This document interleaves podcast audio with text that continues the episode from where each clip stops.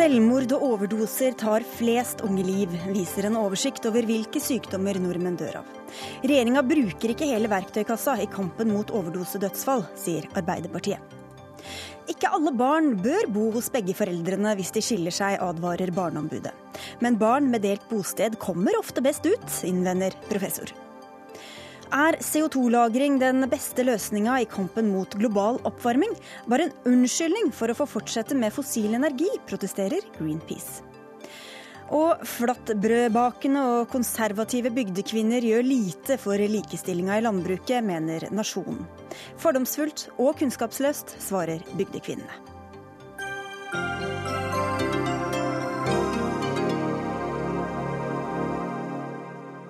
Og god kveld ønsker jeg Sigrid Solund. Dette er Dagsnytt 18 på NRK P2 og NRK2. Selvmord tar flest unge liv i hele Norden. Det kommer fram i en rapport som Folkehelseinstituttet la fram i dag. Etter selvmord er det overdoser som er hovedårsaken til at gutter og menn dør mens de er mellom 15 og 49 år.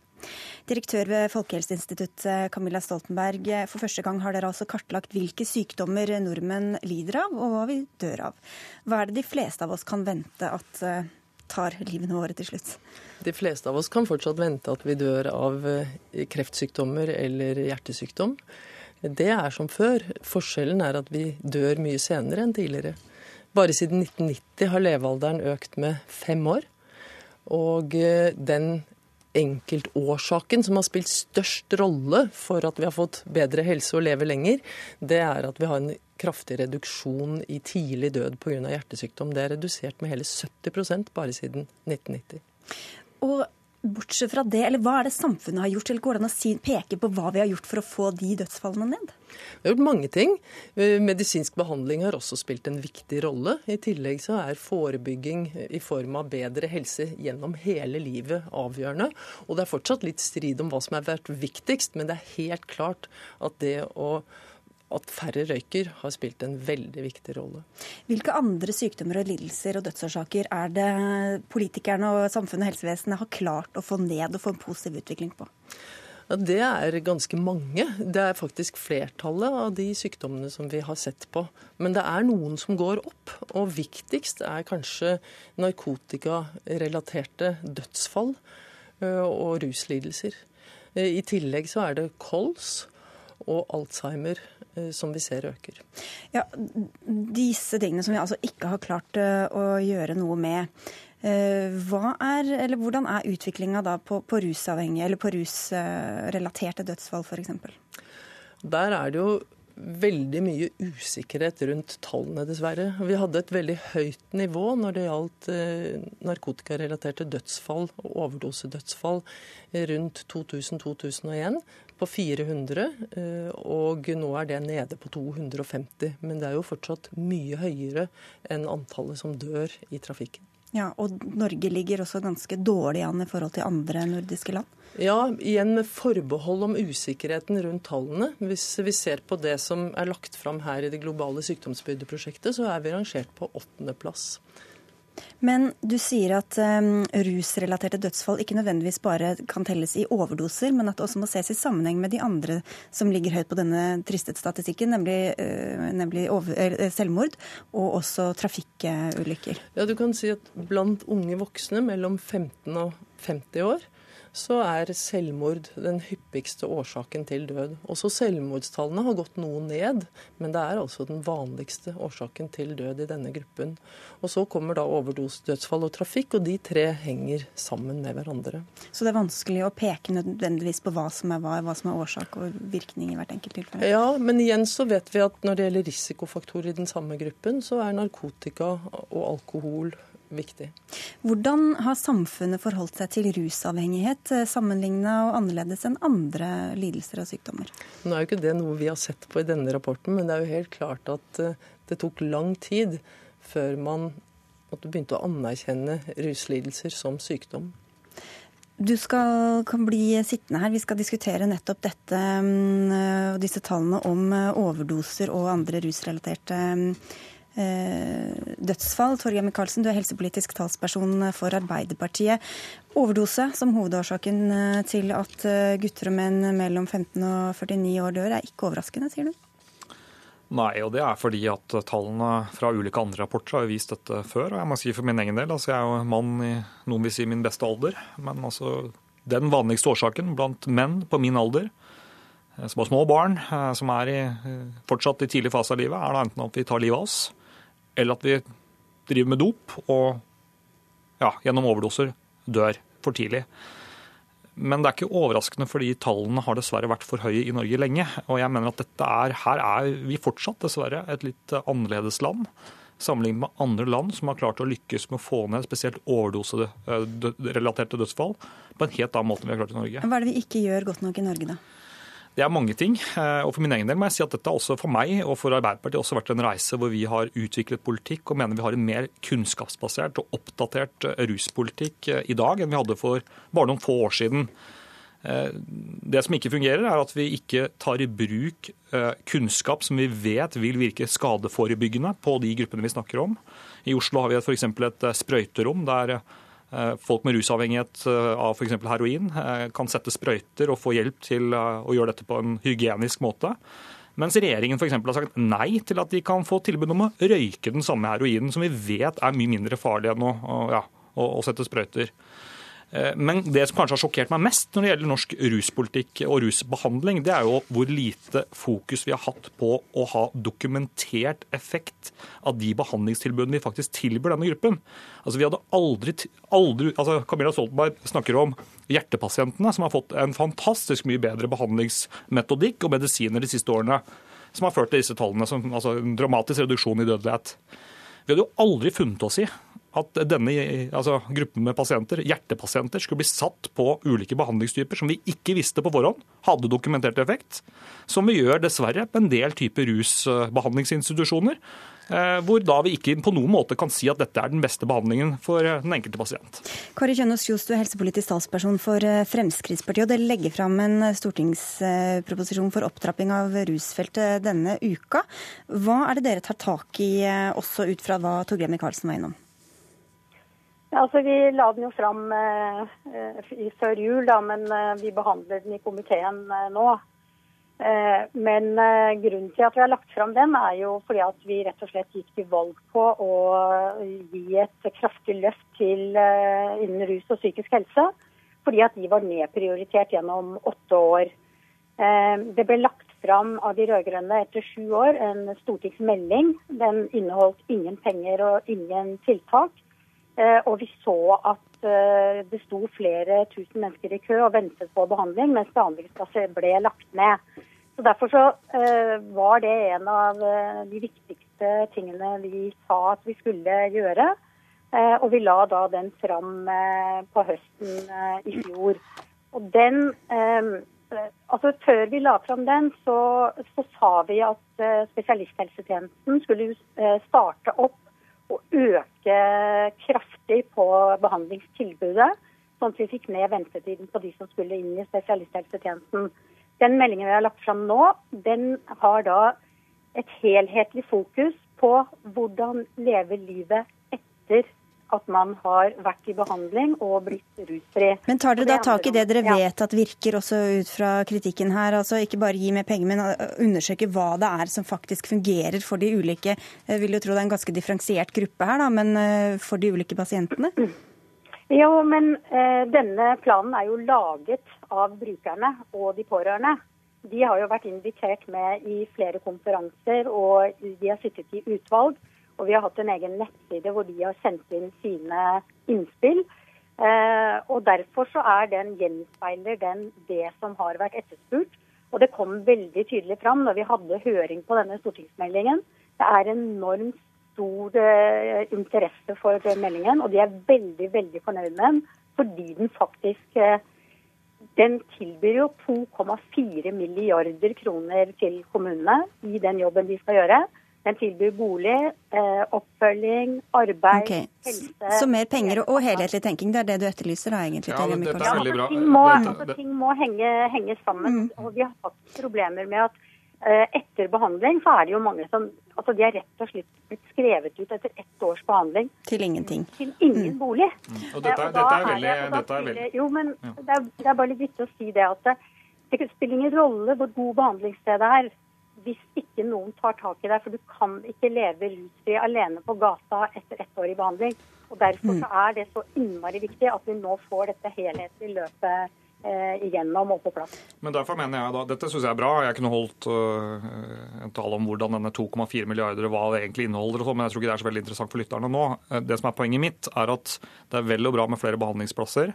Det er bra at det kan komme krav om at mer ettervern, altså det livet man skal leve etter man er ferdig med behandling. Men jeg mener at det skal gå mye hardere til verks. Altså Man skal ha dokumentert effekt hvis man skal ha penger fra staten til å drive eh, rusbehandling. Og man skal ha krav om at disse, når disse pengene skal utbetales, så skal det være et helhetlig, systematisk oppfølgingsarbeid som ikke slutter når du blir skrevet ut av en rusinstitusjon, men fortsetter i kommunene. Da kan denne pasientgruppen bli tatt inn i varmen på alvor, som dessverre disse tallene som da Camilla Stoltenberg og Folkehelseinstituttet viser, er veldig alvorlig. Stoltenberg. Men, ja. Jeg vil bare få inn Jeg kan bare understreke det samme, at vi trenger mer kunnskap om forekomst. Og vi trenger mer kunnskap om risikofaktorer og årsaker. Og vi trenger ikke minst mer kunnskap om hva som virker. Og når vi setter i gang behandlinger eller behandlingsforsøk, så må vi også finne ut hva er senvirkningene, hva er bivirkningene, i tillegg til hva er virkningene.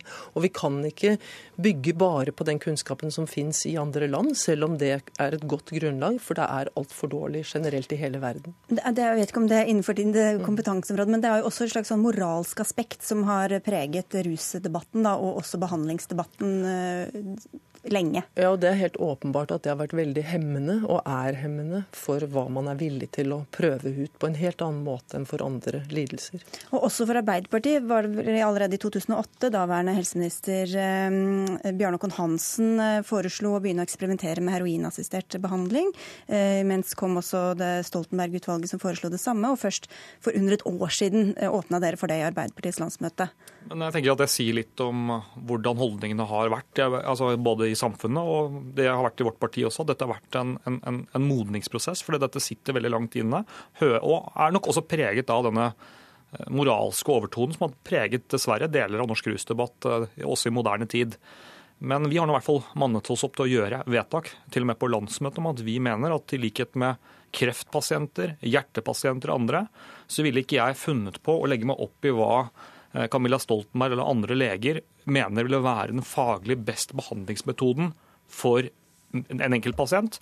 Men det velger vi altså til de grader å gjøre på rusfeltet fortsatt. Altså Vi har en helseminister som stopper forskning der eh, f.eks. miljøet i Bergen, på Haukeland, de beste ruslegene i landet, vil starte en kontrollert studie der de vil utvide medikamentell behandling av eh, ruspasienter til med bruk av syntetisk heroin. Det sier altså helseministeren, vår helseminister, nei til på ideologisk grunnlag. Og Det er da jeg mener at da er vi på ville veier fortsatt. For mye ideologi og moral, Kari Kjønaas Kjos, og for lite praktisk Nei, det handler ikke om det i det hele tatt, og det vet Torgeir Micaelsen veldig godt. Jeg har vært i Sveits og sett på utdeling av heroin der. Det imponerer meg ikke veldig, veldig mye. Og vi fikk klare advarsler fra Sveits. Ikke gjør den samme feilen som oss sette, med å sette i gang dette før dere har alt det andre på plass. Og det er det vi jobber med nå. Vi må ha alt det andre på plass. fordi at de aller aller fleste de ønsker seg et rusfritt liv, og de ønsker et selvstendig og et godt liv. Men ligger det en frykt for å liksom bli sett på som for lite strenge i narkotikapolitikken også bak rusbehandlinga? Nei, det handler ikke om det. Men du kan ikke sette i gang 70 prosjekter overalt samtidig. Da blir det tynt smørt utover, og vi kommer ikke i mål med noen ting. Her må vi sette inn massive tiltak for enkeltmennesker hele veien. Og da må vi spisse det til det som er mest etterspurt, og det som folk flest ønsker seg. Ikke det som et lite håndfull ønsker seg. Det koster vanvittig mye penger, og vi har sterke advarsler om å sette i gang med det. Ok, På tampen her da, så blir det etterlyst eh, også fra Folkehelseinstituttet dokumentasjon og også kartlegging. Eh, Hvordan går dere fram nå for å vite at det dere satser på, er det som faktisk virker også i det lange løp? Ja, det må vi jo se når vi setter i gang eh, hele opplegget. Men det vi har er jo tidligere rusmisbrukere forteller oss veldig mye om hva som lykkes for dem. Eh, Og det er jo det de har sagt, at det, det må henge sammen. Eh, De må få lov å bli fulgt inn til mål. De må få bruke den tiden det tar. Det er vanlig å snuble innimellom, men det er også veldig greit å reise seg igjen hvis det er noen der. Eh, og Derfor så vet vi veldig mye, og det forskes også veldig mye. Men vi kan ikke bare legge alt til side og si at sorry, vi vet ikke nok, så vi skal ikke mm. sette i gang. Vi må bruke det vi vet, og det gjør vi nå med å putte på veldig mye penger, for vi ønsker å lykkes. Ja, jeg vil bare si på vegne av Arbeiderpartiet Vi kommer til å foreslå et eh, omfattende forskningsprogram, eh, kunnskapsinnhenting, for å dokumentere nå en, altså, ordentlig Eh, hva som faktisk fungerer og ikke fungerer. Rusavhengighet er en vanskelig sykdom, men det er mulig å vite mer enn i dag. Da får dere diskutere dette videre i komiteen. Takk skal dere ha alle tre. Camilla Stoltenberg fra Folkehelseinstituttet, Torgeir Micaelsen fra Arbeiderpartiet og Kari Kjønaas Kjos fra Fremskrittspartiet.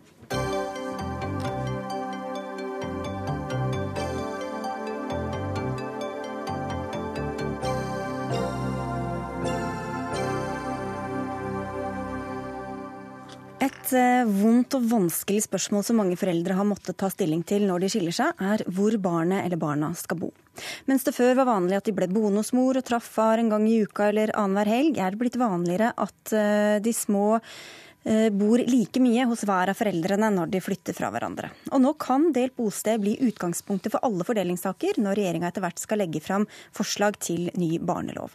Men i et eh, debattinnlegg i Aftenposten advarer du mot å gjøre dette til en regel, Barneombudet Anne Limbo. Eh, hvorfor er det dumt å ta utgangspunkt i dette, delt bosted for alle? Dagens barnelov den er nøytral og sier at vi skal finne den beste løsningen for ethvert barn eh, og gjøre gode individuelle vurderinger. Det å trekke fram én løsning som delt bosted som den beste løsningen for alle barn, er helt feil fokus. For vi har ikke noe grunnlag for å si at delt bosted er best for alle barn, på like linje som vi ikke har noe grunnlag for å si at ett bosted er best for alle barn. Så det er å innta feil perspektiv. Her må barnets rettigheter stå i fokus. Mm. Og det å gjøre gode individuelle barnets beste vurderinger. Hvilke uheldige utslag får dere høre om eh, når det gjelder foreldre som da har valgt å dele 50-50 på samværet? Vi får veldig mange henvendelser fra barn og unge eh, som eh, synes at Eh, det med delt bosted ikke nødvendigvis fungerer godt for dem. Noen ganger skyldes det høyt konfliktnivå, noen ganger kan det skyldes stress eller det å bli tatt eh, bort fra eh, kjente og vante omgivelser. For andre barn så fungerer denne ordningen veldig bra. Men det som kjennetegner veldig mange av disse sakene, er at barna opplever å ikke bli hørt, ikke bli tatt med på råd, og at disse avgjørelsene tas over hodet på dem. Og derfor Derfor er jeg veldig opptatt av at barnets stemme må høres, eh, og at eh, vi må ha en egen time til barna på familievernskontoret, sånn at de er sikre på at vi finner den løsningen som er best for dem. Du har eh, skrevet om dette egentlig også med utgangspunkt i noe som sto i A-magasinet, som du har skrevet, Frode Tuen. Du er professor ved Senter for kunnskapsbasert praksis ved Høgskolen i Bergen, og du får kritikk av Limbo i debattinnlegget i dag. For du viser også til forskning på dette feltet, men tar til orde for delt bosted som um, et utgangspunkt. Hva sier de erfaringene fra forskninga om det? Altså, det har vært gjort mye forskning på dette området i lang tid. Både med fokus på hva foreldrene som har denne ordningen opplever, men også hva barna selv opplever. Og hvor man har sammenlignet barn som lever med delt, om, delt bosted, med barn som bor da hovedsakelig hos mor eller eventuelt hos far.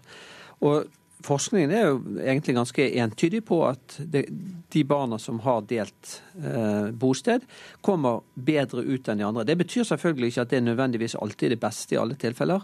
Men det ser ut til å være den beste løsningen i det store og hele. og Derfor bør vi ha en ordning som tilstreber at det er også løsningen som foreldrene lander på. Forskningen viser dette, Limbo? Nei, Der er jeg jo enig. Vi har, vi har forskjellige lærere her. Noe forskning eh, viser eh, eh, at eh, dette er bra, men så er det andre leire som mener at bosted ett sted er Eh, det beste. Og psykologi er ingen eksakt vitenskap.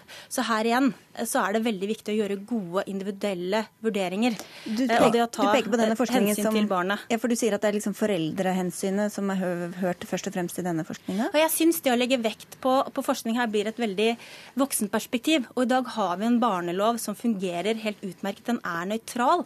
Og det er sånn som Tuen anbefaler her å trekke fram delt bosted som den foretrukne løsningen. Når vi har null forskning som viser at delt bosted er bra for alle barn. For det har vi ingen forskning som viser. Det kan være bra for mange barn, men ikke for alle.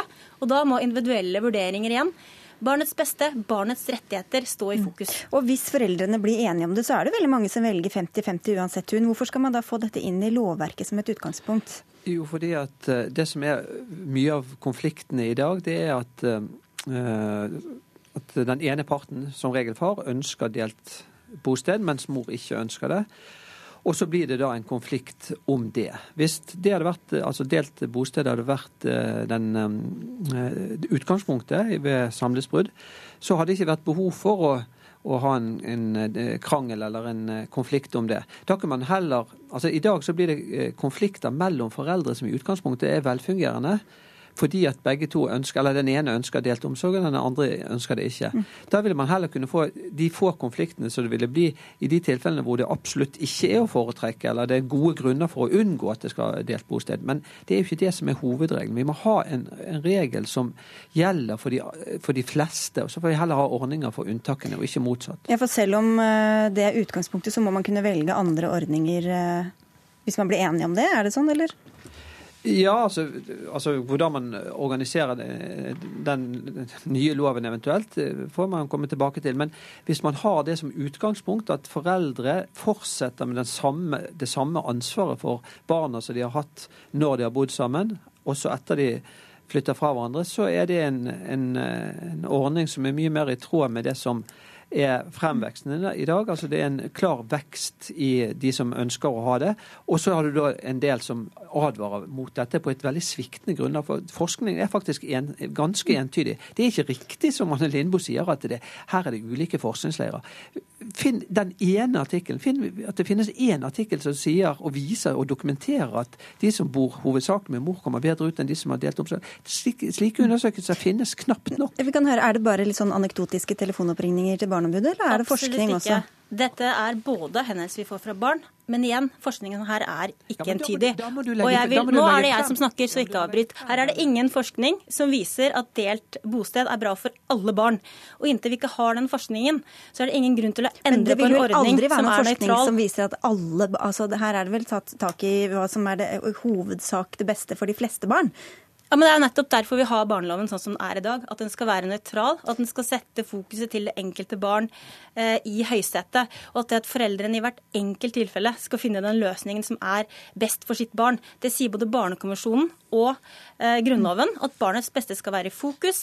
Vi skal finne gode individuelle løsninger som passer for det enkelte barn. Og da skal også selvfølgelig barnet høres. Og det å igjen trekke fram én løsning som ikke er best for alle barn, det er uheldig. Og så kan man heller bruke familievernskontoret og være glad for at flere og flere nå frivillig velger eh, delt eh, bosted for dem det passer for, og sørge for at konflikter da løses mm. i familievernet istedenfor å endre loven. Men hva med der hvor det også er et konfliktnivå som kan gjøre at den ene eh, ønsker seg all omsorg, eller i hvert fall mesteparten, og, den, og, og får det, og ser for seg at da etter hvert kanskje flytter, eller gjør at det blir vanskelig for den andre parten. Er det et element som du også tar med i den betraktninga? Jeg mener at denne Barneloven skal ikke endres for å senke konfliktnivå mellom eh, foreldrene. Barneloven er til for barna og for å finne gode individuelle løsninger.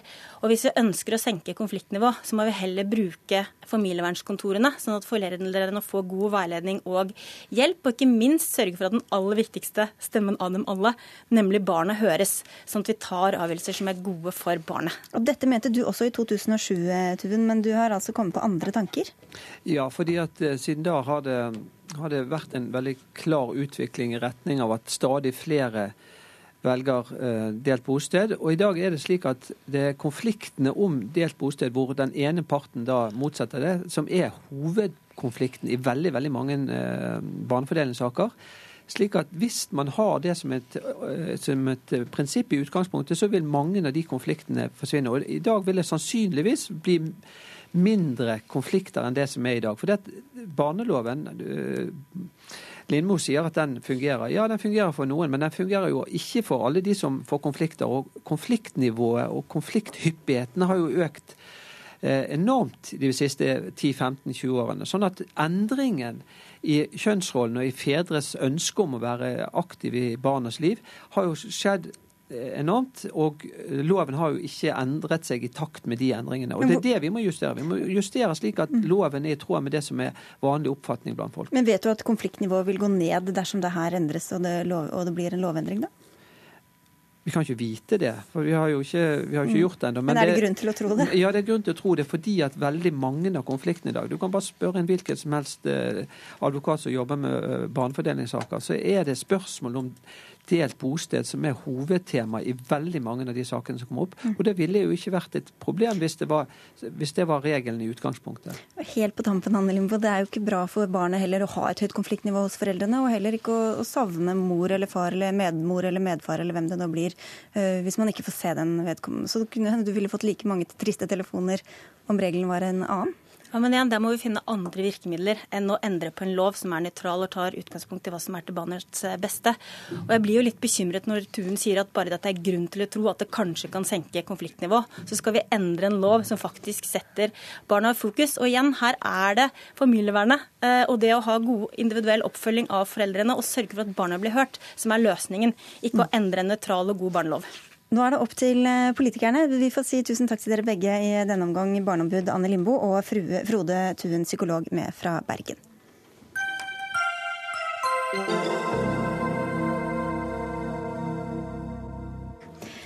Før eller siden skjer det de fleste av oss. Som pårørende skal vi være med å planlegge en begravelsesseremoni. Fortsatt er tallet på kirkelige begravelser i Norge veldig høyt, men eh, antall livssynsåpne og religiøst nøytrale alternativer øker. Nå oppfordrer begravelsesbyråenes interesseorganisasjon kirka til å vise mer raushet i møte med de etterlattes ønsker for gravferden. Gunnar Hammersmark, du er bransjedirektør i Virke gravferd. Det er du som sier til avisa Vårt Land denne uka at, at kirka må bli mer raus. Hvordan mener du rent praktisk at den bør bli det? Vi møter i dag en ny generasjon pårørende til, som skal ordne gravferd. Og vi ser nok at ønskene fra eh, disse eh, er litt annerledes enn det det var før. Og Det betyr at det rammeverket som Kirken har satt, ofte kan bli utfordra på dette. Og da har pårørende to valg. De kan velge eh, å velge en livssynsåpen seremoni, altså legge vekk Kirken eller å, å, ta bort noen av de ønskene de egentlig har, mm. for å passe inn i formen som Kirken setter. Hva slags ønsker er det de kan ha som Kirka ikke ønsker, da? Jeg har vært med mange år, og på 70-tallet var det Vårna Grieg som kunne være en konflikt. I dag er det Gabriellas eh, sang som kan være utfordrende for noen. Mm. Og det er poeng. Det er noe av den frustrasjonen som vi kan kjenne på, at uh, noen organister kan si ja til den, mens andre sier nei. Mm. Og da får vi litt utfordringer å forklare. Så noen uh, musikkstykker er rett og slett ikke, hører rett og slett ikke hjemme i kirka. Olav Rune Bastrup, du er hovedtillitsvalgt i Musikernes Fellesorganisasjon og kantor i Grønland kirke i uh, Oslo. Er dere ikke rause nok? Jeg syns vi er svært, svært rause. Og uh, mange av oss svelger unna kameler hver eneste dag i begravelsessammenheng. Og som jeg syns er trist, fordi det finnes så utrolig mye flott musikk nettopp til, eh, som, er, som, passer til eh, gravferd. Og, men det er veldig sjelden at vi blir tatt med på råd. Det er veldig sjelden at vi blir spurt.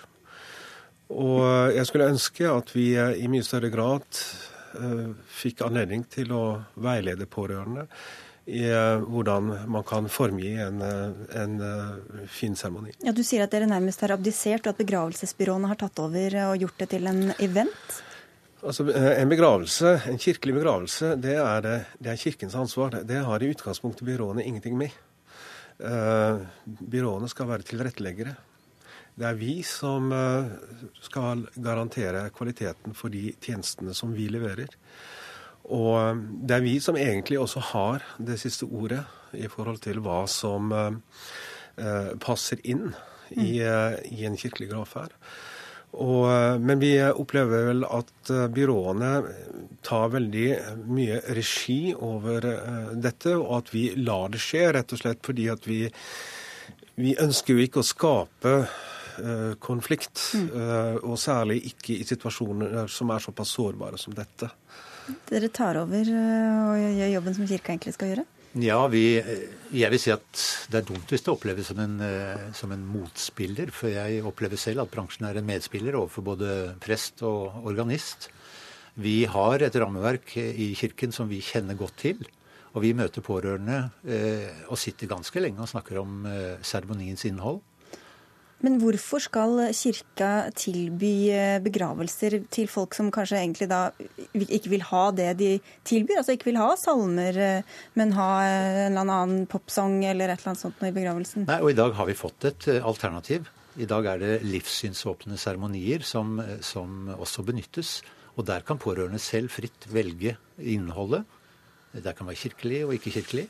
Det som blir utfordringen noen steder, det er hvor det kun er et egnet sted, og det er i kirken. Og det er også av tradisjon at man har hatt uh, gravferden i kirken. Og når pårørende da opplever Og det er jo pårørendes ønske som vi prøver å, å uh, få inn. Selv om vi også noen ganger veileder pårørende eh, til å velge bort enkelte ekstreme varianter. Ja, ekstrem. Du sa dere svelger kameler. Hvilke kameler er det dere ikke vil svelge da? Ja, jeg syns f.eks. hvis jeg eh, får eh, spørsmål om å spille eh, 'Fly Me To The Moon' eller 'Somewhere Over The Rainbow' i en kirkelig begravelse, så er det Da har man på en måte passert en, en grense. Jeg syns også til dels det er ganske smakløst. Men dette handler veldig mye om hvilke muligheter vi som skal levere den kirkelige tjenesten, får til å komme i dialog med de pårørende. For min erfaring er at de, i de tilfellene hvor jeg er i en slik dialog, eh, så er folk veldig takknemlige for å få en profesjonell veiledning. Og det er en veiledning som vi har kompetanse på, som byråene ikke har kompetanse på. I stedet for å ta den samtalen, så burde det byråene vise videre til dere? Ja.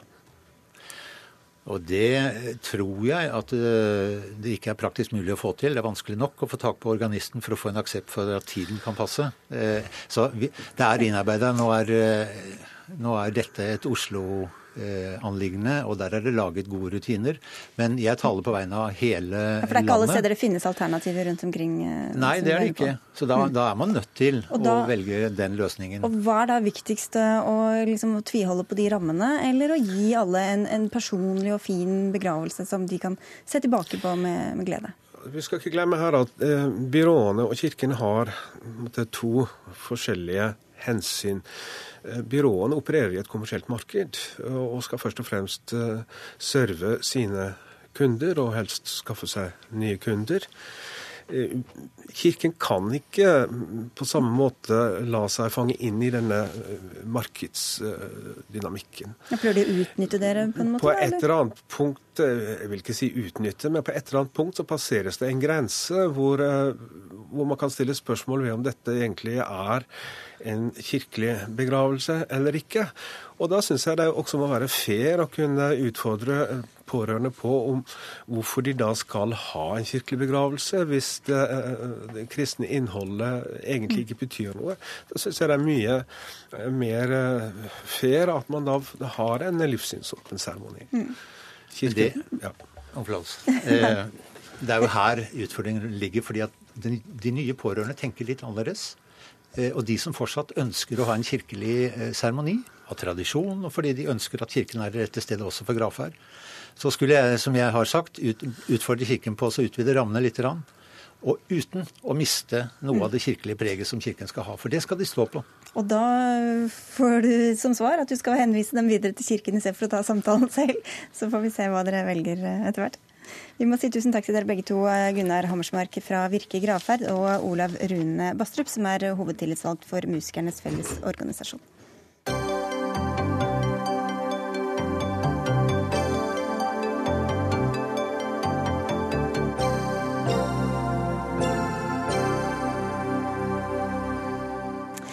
Hva kan en offentlig tjenestemann eh, ytre seg om offentlig? Det skal det handle om i Dagsnytt 18 nå. For etter at politimannen Stein Robin Kleven Berg for tre år siden kalte daværende statsminister Jens Stoltenberg for et krapyl, fikk han en advarsel. Så gikk det litt tid før han skrev på Facebook om nestlederen i Arbeiderpartiet, Hadia Tajik, og lurte på om hun var fan av terroristen Anders Behring Breivik. Da fikk han sparken. Og Jon Christian Ellen, du er advokaten til denne politimannen, og nå har dere stevnet justisministeren for å ha kneblet ham. Hva ligger til grunn for det? Ja, Det er Justisdepartementet som står ansvarlig for alle som er ansatt i politiet. Så det blir jo et eh, paradoks at en Frp-politimann må saksøke en Frp-justisminister for å få lov til å drive Frp-politikk. Men det får være et paradoks i dette. Eh, det som er eh, problemstillingen siste, er jo at han var ute og kommenterte Hadia Tajik sin uttalelse om at det måtte være lov til å komme med med vanskelige ytringer og ytringer om terror, terrorforherligelse osv. Og, så og da mente han at i debatten at eh, dette var slik at eh, hun da var på samme linje som Breivik, for at Breivik ville også at man skulle ytre seg på en sånn måte. Det uttalte han privat på sin egen Facebook-side, før han fikk sparken fra politiet. Men selv om han er privat, så er han jo samtidig ansatt i politiet, og alle kan gå inn og lese dette her. Hvorfor er det OK å skrive sånne ting som offentlig tjenestemann? Også personer som jobber i det offentlige, må ha lov til å uttale seg i debatten, og ikke bare ha helt konforme og godkjente meninger.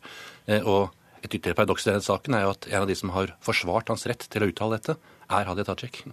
Men etter at han da først eh, ytret seg om eh, Jens Stoltenberg, fikk han en advarsel om at gjentatt utilbørlig atferd kan føre til en strengere reaksjon.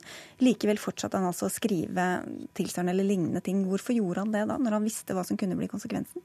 Han mente det var innenfor sin ytringsfrihet å komme med kommentarer til utspill som sentrale personer og politikere har i det offentlige rom.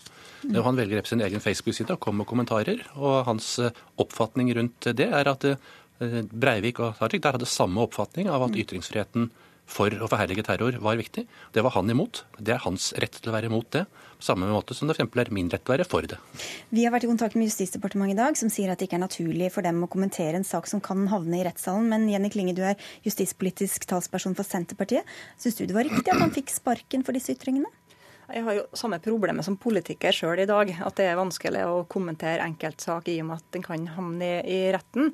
Eh, så jeg skal være forsiktig. Det, ja, så jeg mm. tenke prinsipielt eh, på det, så er det så enkelt som at uh, politiet er en etat som har løyve fra staten til å utøve makt, og i ytterste instans også vold på vegne av staten. Og, det, og så er vi så heldige her til lands at politiet har høy tillit i befolkninga. Vi, vi stoler på politiet vårt. Eh, den tilliten er helt avhengig av at hver enkelt polititjenestemann og politikvinne eh, oppfører seg bra. Det sier seg sjøl. Eh, og det handler om hvordan er det de utøver yrket sitt, men også hvordan de oppfører seg på på fritida. Og med det så sier ikke jeg at det ikke skal være store, vide, gode rammer for hva politifolk skal kunne gjøre på fritida, og hva de skal kunne ytre. Men det er visse grenser.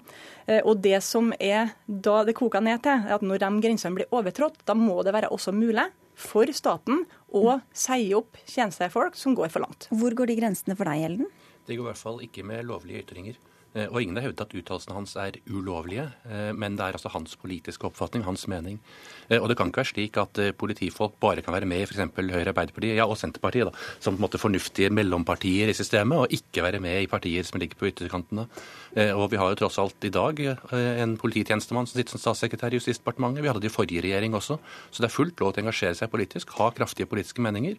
Og det bør man ikke kneble og si at nei, nå skal du gjøre som politimesteren sier, og ikke mene noe offentlig. Han skrev vel ikke sånn direkte sitat fra Fremskrittspartiets program. Det var vel mer sånn hva som lå mellom linjene og sånn i det han uh, skrev. Og Hvis ja. noen oppfatter det som rasistisk, f.eks., jeg sier ikke at det var det, men hvis noen oppfatter det sånn, hvordan skal man da ha tillit til han som en tjenestemann som man da skal kunne gå til i alle, altså i alle mulige situasjoner og, og, og, regne med at han oppfører seg nøytralt og tillitsfullt? Det er vanskelig å kalle det rasistisk, det som Stortinget er i ferd med å vedta som en ny lov, altså på forbudet mot uh, og for å forherlige terror og være med på terrorrekruttering osv. Eh, men samtidig, ingen har kritisert hans, eh, politiske, nei, unnskyld, hans politiholdninger. Ingen har kritisert at eh, han på noe tidspunkt har forskjellsbehandlet folk, eller at han ikke har gjort jobben sin. Han får tvert imot gode skussmål for å være en god politimann. Mm, det er ingenting som tyder på at det har gått ut ved jobben hans, Jenny Klinge. Nei, men jeg har lyst til å, understreke at det er flott med samfunnskritikk fra ulike aktører, også fra folk i politiet. Og det er flott hvis vi får eh, forslag til endringer, hva vi kan gjøre likere. Men altså, også kritikk skal være lov. Det skal være stort ligningsmonn for hva politifolk skal kunne ytre. Men når det går over til per personkarakteristikker, eh, og det som vi har også sett her i det konkrete tilfellet, selv om jeg ikke skal si at den eh, avgjørelsen i seg selv kanskje er rett eller galt, men poenget det vi ser her, det er det nærmeste, for meg så nærmer seg grenser for hva som er akseptabelt. Mm. Og jeg tror egentlig alle sammen, hvis vi tenker litt på hvordan vi, vi som samfunn ønsker å, å ha det, og hvilken type politietat vi ønsker å ha, så er det jo en etat der vi har politifolk, enkeltmennesker der, som vi kan stole på. Og hvis vi ikke setter noen grenser for hva som kan ytres på, på fritida av personkarakteristikker, og vi ikke setter grenser når det går for langt. Da mener jeg vi gjør galt for framtida, for den tilliten vi ønsker at politiet også skal ha i framtida. Men vi har jo snakket om en fryktkultur innen veldig mange forskjellige bransjer f.eks. For hva, hva tror du skjer med den kulturen og med ytringsfrihetens rammer, hvis man ikke skal kunne kalle noen krapyl fordi man tilfeldigvis er ansatt i politiet? ja, det kan jeg si. Men samtidig så ser vi jo her innenfor politietaten så er det jo svært få, jeg kjenner ikke til flere saker eh, der noen har mista jobben pga. Eh, ytringer. Det tyder jo på at det er en veldig høy terskel, eller høy mulighet for politifolk til å ytre seg. Men samtidig så går det over streken. Og går det over streken, så må det også være mulig eh, å si opp politifolk, for, også for hele politietaten sin del. Og Så lenge du holder deg innenfor loven, så bør det være mulig å si hva som helst, mener du, Elden? Eller hvor? Går det ingen grenser? Så lenge du holder deg innenfor loven, ikke sjikanerer noen, eh, ikke kommer med utsagn som er ulovlige. Men noen kan vel ja, oppfatte det som sjikanerende og bli kalt et krapyl, f.eks.? Eh, det er lov til å komme med skarpe karakteristikker, og det fikk han faktisk heller ikke sparken for. Eh, det fikk han jo beholde jobben for. Det han fikk sparken for, var at han da mm. kritiserte at en politiker ønsket å tillate kritiske ytringer. Men enten du er ansatt i et parti eller i et advokatfirma eller i NRK eller politiet, så må, vel, så må du jo tenke over hva det er du skriver, for du er jo tross alt en representant for det din arbeidsplass også. Eh, og arbeidsplassen må vel kanskje også få velge selv hvem de vil at skal representere seg? Ja, og hvis man hadde representert politiet, så hadde det vært et annet spørsmål. Eh, men dette er altså en privat Facebook-side, lukket Facebook-side. Den er ikke offentlig, den er ikke som politimann. Etter at han fikk kritikk første gang, så fjernet han alle bildene som hadde tilknytning til politiet, politiuniform osv. Og, og det var altså en ren side for politikeren Berg. Men hvis du hadde en ansatt som ytret seg, men ikke som advokat, men sa ganske drøye ting på nettet, ville du synes at det var OK? Det har jeg stadig vekk. og, da, og, da, sier du tipp topp tommel opp og fortsett her? Ja, det syns jeg. For de har lov til å uttale seg, lov til å ha meninger, lov til å ha synspunkter og være med i samfunnsdebatten. Også på punkter som er upopulære. Og nå er det opp til uh, retten, eller til, uh, til, politiet egentlig, da? Eller hvem er det som skal Nei, nei nå får Oslo tingrett tale. Så får vi se hva de ender med. Takk skal dere ha begge to, advokat Jon Christian Elden og Jenny Klinge fra Arbeiderpartiet.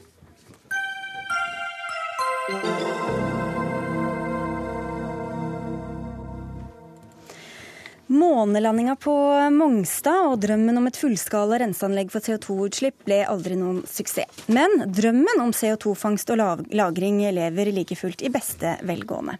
For forskere fra hele verden kommer over til Norge for å teste ut denne teknologien, som kan bli en nøkkel for å nå målene om å begrense den globale oppvarminga til under to grader, skriver Aftenposten i dag. Trude Sundset, du er administrerende direktør i Gassnova, som er statens foretak for CO2-håndtering. Hvordan står det til med arbeidet for fangst og lagring nå? Det pågår for fullt. Vi satser veldig mye, og staten satser veldig mye på å lykkes med denne teknologien. Vi, trenger, vi har forska mye. Vi trenger å teste ut i, i, ganske stor skala, som vi gjør på Teknologisenteret på Mongstad. Og vi trenger å få til en fullskala løsning som vi håper å få på plass innen 2020. Og Hvilken rolle mener du at denne teknologien bør få i eh, arbeidet mot, eh, eller for å begrense klimaendringene? Ja, Det finnes mange scenarioer som FNs klimapanel eh, trekker opp i forhold til å nå togradersmålet. To eh, omtrent alle scenarioene sier at CO2-fangst og -lagring er helt nødvendig for å komme i mål med, med dette. Så dette har veldig stor betydning, og vi må komme i gang nå hvis vi skal lykkes. Vi må komme i gang nå, Truls Gullofsen. Du er leder i Greenpeace eh, Norge. Ja, som, Vi må gjerne komme i gang med å forske på å finne ut hvordan man kan få til CO2-fangst og -lagring i framtiden. Spesielt på industrielle kilder som sementproduksjon osv. For det er noe som vi trenger også i et fornybarsamfunn. Men det vi ikke trenger å komme i gang med nå, det er å fortsette å unnskylde massevis av kraftverk som driver, er basert på fossil energi, kull og gass, som sier at de bare skal fortsette å operere fordi at en gang i framtiden så skal de løse problemet med CO2-fangst og -lagring. Det er en drøm som dessverre ikke blir realitet. Vi får ikke et utslippsfritt fossilbasert kraftsystem. Hva er det du frykter kan bli konsekvensen av dersom man satser på denne teknologien og det som en del av løsninga? Ja, det jeg frykter skal bli konsekvensen for verden, er det som har vært konsekvensen for Norge. Vi har snakket om CO2-fangst og -lagring som en løsning for et samfunn basert på fossil energi i over 20 år. Vi er kanskje det landet i verden som har vært mest opptatt av å redusere klimagassutslipp. Vi har snakket mest om det, vært mest enig, men likevel så øker utslippene. Fordi CO2-fangst og -lagring løser ikke problemene, og er fortsatt mye vanskeligere og mye dyrere enn tilhengerne av det ønsker å tro. Du har kanskje ikke empirien på din side, Sundseth? Vel, eh, jeg syns det er litt synd at Greenpeace er så negative. For vi vet jo at andre miljøorganisasjoner er faktisk veldig for eh, løsningen med CO2-fangst og -lagring. Vi eh, driver nå mulighetsstudier, og det foregår bl.a. med Norcem, sementindustri. Det foregår på Yara, som er fullgjødselproduksjon. Så det er snakk om også mange andre store punktutslipp som ikke har noen annen løsning enn at du faktisk fanger CO2-en og så lagrer den trygt. Det er det eneste som vi kan gjøre med de utslippene. Og FN sier, FNs klimapanel sier at dette må til hvis vi skal nå togradersmålet. Så jeg vil sende utfordringen tilbake. Hvordan skal du nå togradersmålet da, hvis du ikke tar i bruk CO2-fangst og -lagring? Der står Greenpeace helt alene, slik vi ser det. Ja, Det er en herlig utfordring. Som jeg sa innledningsvis, så syns vi det er bra at vi ser på CO2-fangst og -lagring som en løsning på de utslippskildene som det ikke finnes alternativer på, bl.a. Mm. sement. Men ikke på olje- og gassproduksjon eller kullproduksjon? Når vi snakker om energiproduksjon basert på fossil energi, så er det feil å satse penger på å sy puter under armene på de store kullkraftverkene. De må fases ut. Og vi har heldigvis ting som virker. Og det som virkelig virker, og som kan ta store utslippskutt nå, det er masse fornybar energi. Teknologien virker. Det er energieffektivisering i alle prosesser og ledd. Teknologien virker. Og vi har kjempespennende ting også på transport hvor teknologien virker. Vi trenger ikke vente og bruke masse penger på å unnskylde et fossilbasert system med CO2-fangst og -lagring som kanskje kommer. Og det er det store problemet. Ja, for Det er jo litt spørsmål om hvilket samfunn vi legger opp til, eller hvilke store veivalg vi skal ta. Hvordan kan dere vite at teknologien kommer i tide til at utslippene går ned i, i, i tide? Vi har jo ikke så mange år på oss ifølge FNs klimapanel. Heller. Nei, Derfor er det viktig å komme i gang nå. Eh, det er faktisk sånn at i Norge, Norge er faktisk ledende på dette området. Vi har lagra CO2 ute i Nordsjøen i geologiske formasjoner ute i Nordsjøen i 20 år på Sleipner-feltet og på Snøhvit-feltet. Så eh, jeg vil også si at det er viktig å gi kreditt til oljeindustrien, for de har faktisk gått foran og vist at det å lagre CO2 på en trygg måte Men... kan gjøres. Og vi må, hvis vi vil være en spydspiss ute i verden, så må vi satse på det videre nå. Og vi er i god gang, og vi mener også at teknologien er klar til å tas i bruk, bl.a. gjennom den testinga vi har gjort på teknologisenteret. Hvorfor kjører man ikke på med den teknologien? Nei, Det er vanskelig fordi det handler om eh, at det kommer til å koste mye å slippe ut CO2 i framtida. Så for industriaktørene så handler det litt om insentiver. Eh, fordi de ikke, det er ikke økonomi per i dag, men det kommer til å bli økonomi i framtida å gjøre CO2-fangst og -lagring i stor skala. Så vi må legge til rette. og Vi må komme i gang nå for å teste ut ny teknologi. For vi vet at når du bygger ut teknologi, så lærer vi nok til at også kostnadene kommer ned. Så det er viktig. Det, det er ikke sånn akkurat som med fornybar energi, så var det dyrt i starten. Mm. Så bygde man ut, og så hadde man insentiver. Og så gjentok man det, og så kom kostnadene. Det har vi sett veldig mye nå på sol og på vind. Det samme kommer vi til å se på CO2-fangst og -lagring hvis vi starter nå. Men vi må starte nå. Og verken i Norge eller andre land så ser det ut til at vi går mot noen sånn styrt avvikling av olje og gass eller kullproduksjon, Gulløf. Olafsen. Så hvorfor ikke da kjøre på med teknologien, som vi også kan eh, eksportere til andre land og andre kraftverk osv. Jeg syns du hadde et veldig godt eh, poeng her tidligere. Det handler om veivalg. Hvilke veivalg vi skal gjøre som samfunn. Skal vi basere oss på en sentralisert fossil energiinfrastruktur, eller hvor CCS kanskje skal løse problemer hvis vi er veldig heldige i framtiden? Hvis vi f.eks. klarer å bygge fem Mongstad-anlegg over hele verden hver eneste uke i de neste 20 årene, veldig veldig mange anlegg som skal på plass. Veldig litt sannsynlig at det kommer til å skje. Eller skal vi ta veivalget og si at vi satser på det som vi vet virker? Desentralisert energi, fornuftige løsninger, energieffektivisering. Og det veivalget vil gi oss raske kutt nå. Mens det, det, andre veivalget det vil gi oss kanskje kutt seinere, og kanskje mye mye større utslipp. Men det handler jo også om realisme, å, å se hva som faktisk skjer rundt omkring, og hva man da kan få til hvis man får den teknologien, akkurat, og eksportere den. Det er akkurat det som er. Det handler om realisme, og realismen er at CCS, karbonfangst og -lagring, har vært en drøm i mer enn 20 år. Det har ikke levert. Da, og det er det ingen levert. grunn til å tro at det skal levere i noe som helst nær den skalaen som vi trenger for at det på kraftproduksjon skal være et vesentlig bidrag til å redde verdens klima. Men jeg mener man må tenke mer enn én tanke samtidig. Så vi trenger jo alle disse løsningene. Det er det nettopp FNs klimapanel sier. Det er ikke mulig å nå togradersmålet uten å gjøre eh, stor bruk av CO2-fangst og -lagring. Så da vil jeg bare utfordre Greenpeace. Hva har dere tenkt å gjøre da? Har dere ikke tenkt å komme i mål? For det sier disse eh, ja, de snakket om, om, at det må om til. fornybar, og Man kan jo se for seg at det er en begrensa pott til eh, forskning innen eh, klimarelaterte energikilder. Så, så, det er vel et sannsynlig scenario at hvis man bruker veldig mye penger på karbonfangst og -lagring, så bruker man mindre penger på å forske på fornybar energi. Nei, det tror jeg ikke. Jeg tror ikke det er noe enten-eller. Jeg tror det er både og. Det er faktisk sånn at du ser jo det, at når du da har satsa ganske mye på sol og på vind, så kommer kostnadene ned. og Da bør man ta bort disse, disse insentivene og flytte det over på mer CO2-fangst og -lagring. Og så vil de kostnadene komme ned, og så får man frigjort penger til å gjøre ennå det som vi kanskje ikke har sett ennå at vi kan, kan, stille opp med for å nå klimamålet. Men jeg syns ikke det er noen løsning å ikke ta i bruk det som er mulig. Og jeg syns det er viktig å gi kreditt til det arbeidet som allerede er nedlagt i Norge. Og jeg tror dette kan være med å trygge og kanskje skape nye arbeidsplasser også i framtida.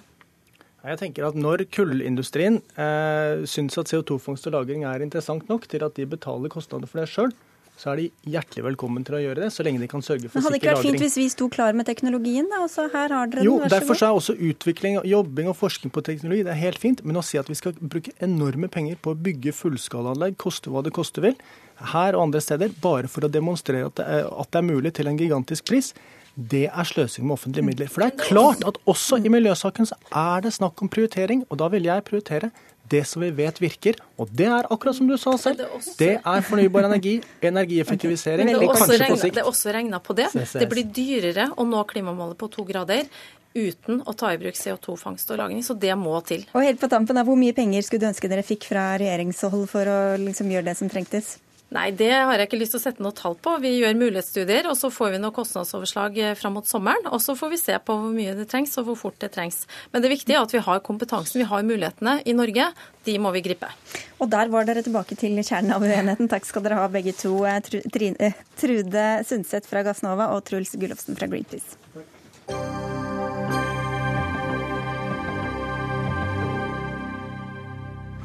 Likestilling helt på jordet, skrev Nasjonen på kommentarplass i går. For fortsatt er bare rundt 14% av landets bønder kvinner. Skylda legges på gammeldagse holdninger og konservative bygdekvinner, som bruker tida på flatbrødbaking og strikke seg glade framfor å være med der de kan ha innflytelse. Eva Nordlund, eh, velkommen tilbake til dette studioet, får jeg vel si. Takk skal du ha. Du er nå kommentator i Nasjonen, og det var du som skrev dette og kalte bygdekvinnene for konservative og flatbrødbakende. Hva bygger du det på? Eh, det er en eh, lang historie. Altså Utgangspunktet er jo eh, dette nitriste faktum at det bare er 14% kvinneandel i landbruksnæringa. Og det 40 år etter at vi fikk likestilling gjennom odelsloven. Når det i tillegg kommer forskning som viser at dette beror delvis, delvis på forstokka holdninger som hører nesten middelalderen til, da er det noen av oss som blir, eh, blir kraftig provosert. Eh, fordi at disse holdningene slåss vi mot på 70- og 80-tallet.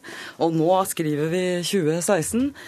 Og det er der jeg kom til en fortegning av Bygdekvinnelaget, og mener at de ja, jeg mener vel egentlig at det er litt medskyldige i at vi ikke har kommet lenger.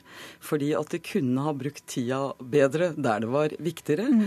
Og jeg mener at noe av virksomheten deres, eh, det sementerer, altså befester gamle kjønnsrollemønstre. Så dere burde brukt mer tid på å skaffe dere maktposisjoner og snakke om likestilling, og mindre tid på å bake og strikke, Ellen Kragberg. Du er nestleder i Norges bygdekvinnelag. Ja, Um, og da er vi Det er jo én ting vi er enige om, Eva. Og det er at uh, den andelen med kvinnelige hovedbønder, den er for liten. Mm. Uh, 14-15% det er, det, Sånn behøver det ikke være, og det vil vi gjerne vare med og gjøre noe med. Uh, og vi tok jo til motsvar uh, da den spissformuleringen kom, uh, om at Bygdekvinnelaget er siderumpa og ikke gjør noen ting for deg. Så da vil vi gjerne være med og vise fram at vi er til stede og, og ønsker å jobbe med den problemstillingen. Hvor er det du savner dem hen, da? Nei, jeg synes, hvis de er, eh, For det første, hvis likestilling hadde vært det viktigste for Bygdekvinnelaget, så hadde de hatt det formålet sitt, og så hadde de jobba målretta mot det. Der mener jeg det er andre organisasjoner hvor det arbeidet er mer virkningsfullt og mer målretta. Som f.eks. faglagene i landbruket, som er, eh, som er Bondelaget og Småbrukarlaget. Er altså, de burde infiltrere disse organisasjonene? Deltatt. Ja. Deltatt der. De har en plass i representantskapet, men det er bare én plass. Det er andre steder hvor det er makt. og hvis du vil utøve makt og få forandring, så må det være der det er makt. Og da nytter det ikke, nå skal jeg sette litt på spissen uh, igjen, da, da nytter det ikke med å samle kvinner til lefsebaking og koftestrikking. Uh, da må man være der menn er. Og når jeg nevner da vil jeg ha sagt først, så dette ikke blir mm. helt gærent, at jeg syns at Bygdekvinnelaget forvalter veldig mye viktig bygdekultur. Det gjør de.